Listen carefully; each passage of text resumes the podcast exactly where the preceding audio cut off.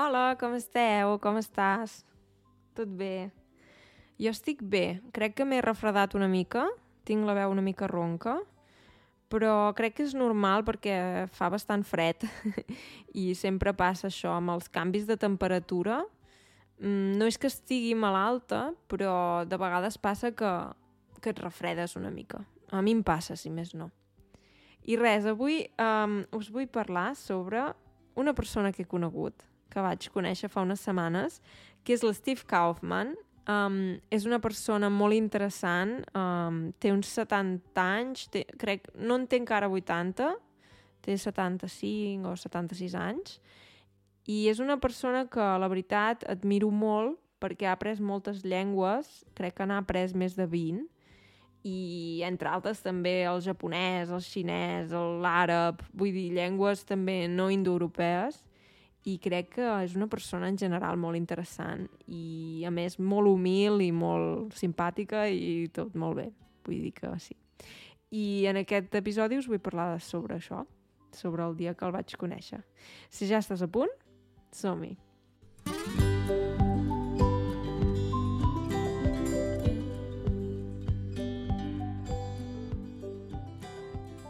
Doncs vaig conèixer l'Steve Kaufman per internet, vam fer dos vídeos junts, un pel meu canal i un pel seu, i estava nerviosa quan el vaig conèixer, la veritat, perquè com que és una persona a qui segueixo a les xarxes i sempre miro els seus vídeos i no sé, em va fer cosa, estava nerviosa, la veritat. Um, pensava, ai, ai, ai, espero que vagi tot bé, que no hi hagi problemes tècnics, perquè això també sol passar, per des... o sigui, no sempre, però pot passar que hi hagi problemes tècnics i, i pensava, ostres, espero que no em passi aquesta vegada, perquè és algú que admiro i penses, ai, espero que no hi hagi cap problema.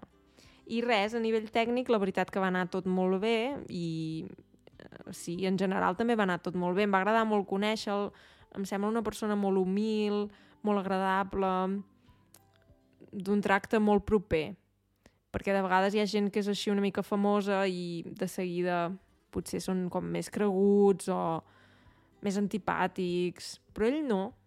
Una persona molt agradable, molt directa, um, vull dir que de tracte molt, molt, molt bo, la veritat, perquè um, també pensava, no sé, com que és una persona més gran, també li vaig demanar si, si volia que el tractés de vostè, però em va dir que no, que ell preferia de tu. I dic, ah, mira, doncs, a mi també m'agrada, la veritat, més el tracte de tu.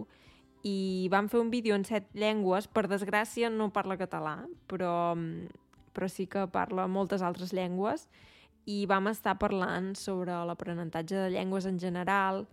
Jo tinc amigues de la meva edat, o potser una mica més joves o una mica més grans, però 30 anys més o menys, que diuen, ah, sóc massa gran per aprendre idiomes.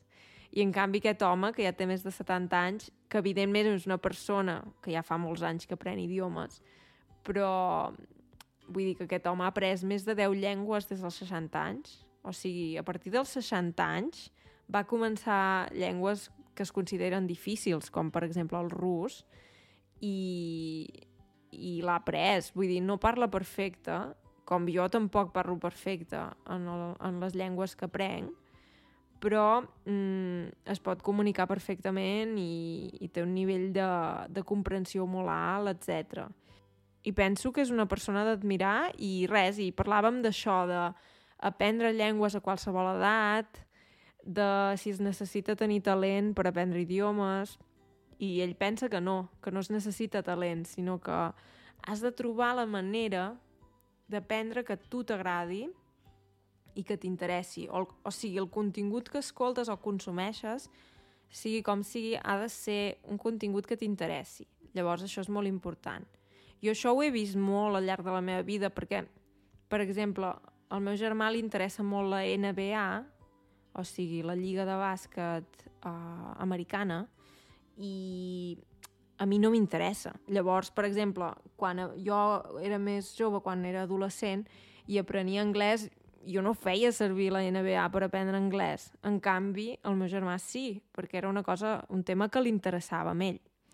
i coses així. Llavors vam parlar de, de temes d'aquests, també, clar, ell va compartir la seva experiència aprenent, per exemple, el xinès fa més de 50 anys, perquè, clar, ell quan va aprendre xinès, evidentment, ni hi havia internet ni hi havia els recursos que hi ha avui en dia més enllà d'internet, perquè avui en dia tenim molts recursos mm, més que els que hi havia abans. I, i res, va ser interessant eh, parlar amb algú que té tanta experiència de tants anys aprenent idiomes i, i també em va semblar interessant uh, veure que ell també, evidentment, ell té una plataforma, de fet, que ha creat per internet, vull dir que és un home gran però molt modern i vull dir que també hi ha gent que té 60 anys i diu, ai, això, aquestes coses, jo ja no hi entenc, sóc massa gran. Vull dir que també és una mica un tema d'actitud a vegades, no? Perquè aquest home té uns 75 anys i, i fa servir molts recursos per internet i té un canal de YouTube i tot això. Vull dir que de vegades penso que, que això de l'edat és una mica una excusa, també. O potser que no hem trobat les eines adequades o...